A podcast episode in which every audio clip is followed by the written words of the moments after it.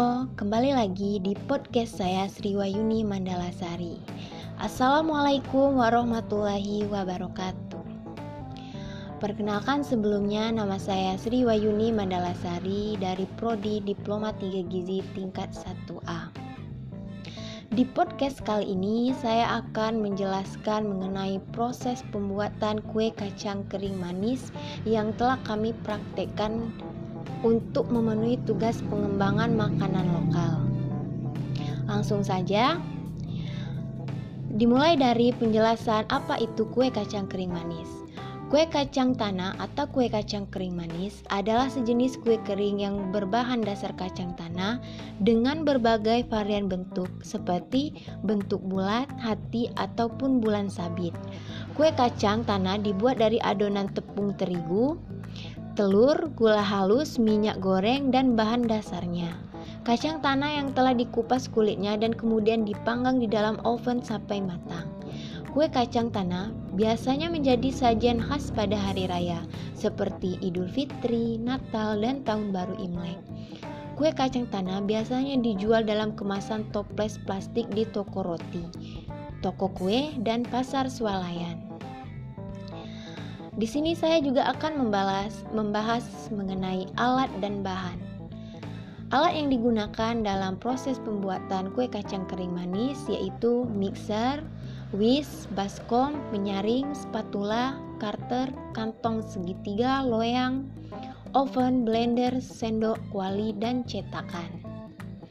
Adapun bahan yang digunakan untuk membuat kue kacang kering manis yaitu 250 gram kacang tanah sangrai, 300 gram tepung terigu, 200 gram gula halus, 125 ml minyak goreng, 15 gram susu bubuk, 15 gram mentega, 5 gram garam, 20 gram kuning telur.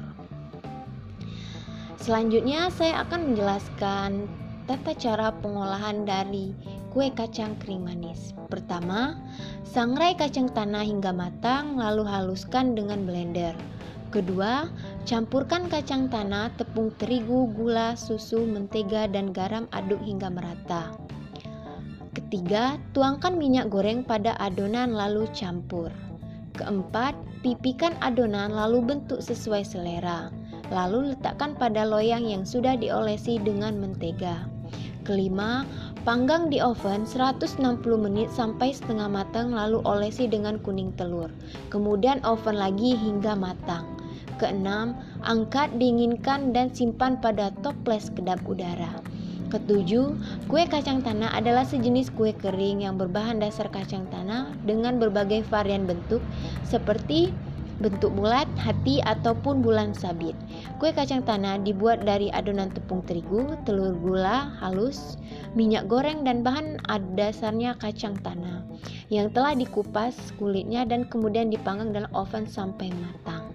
Kedelapan, kue kacang tanah biasanya menjadi sajian khas pada hari raya seperti Idul Fitri, Natal, dan Tahun Baru Imlek. Kue kacang tanah biasanya dijual dalam kemasan toples plastik di toko roti, toko kue, dan pasar swalayan. Salah satu manfaat dari kue kacang kering manis yaitu untuk mengatasi anemia. Baiklah, sama-sama kita tahu, anemia merupakan salah satu penyakit gangguan gizi yang masih sering ditemukan dan merupakan masalah gizi utama di Indonesia. Anemia dapat didefinisikan sebagai suatu keadaan di mana kadar hemoglobin atau Hb dalam darah kurang dari normal, yang berbeda untuk setiap kelompok umur dan jenis kelamin. Anemia kurang besi adalah salah satu bentuk gangguan gizi yang merupakan masalah kesehatan masyarakat yang penting di seluruh dunia, terutama di negara berkembang termasuk Indonesia. Konsumsi zat besi dan makanan sering lebih rendah dari 2 per 3 kecukupan konsumsi zat besi yang dianjurkan. Dan susunan menu makanan yang dikonsumsi tergolong pada tipe makanan yang rendah absorpsi zat besinya.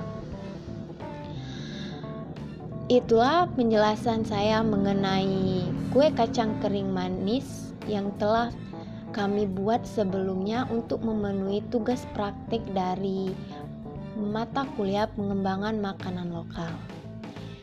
Selamat mendengarkan, semoga bisa bermanfaat untuk kalian semua. Saya akhiri, wassalamualaikum warahmatullahi wabarakatuh.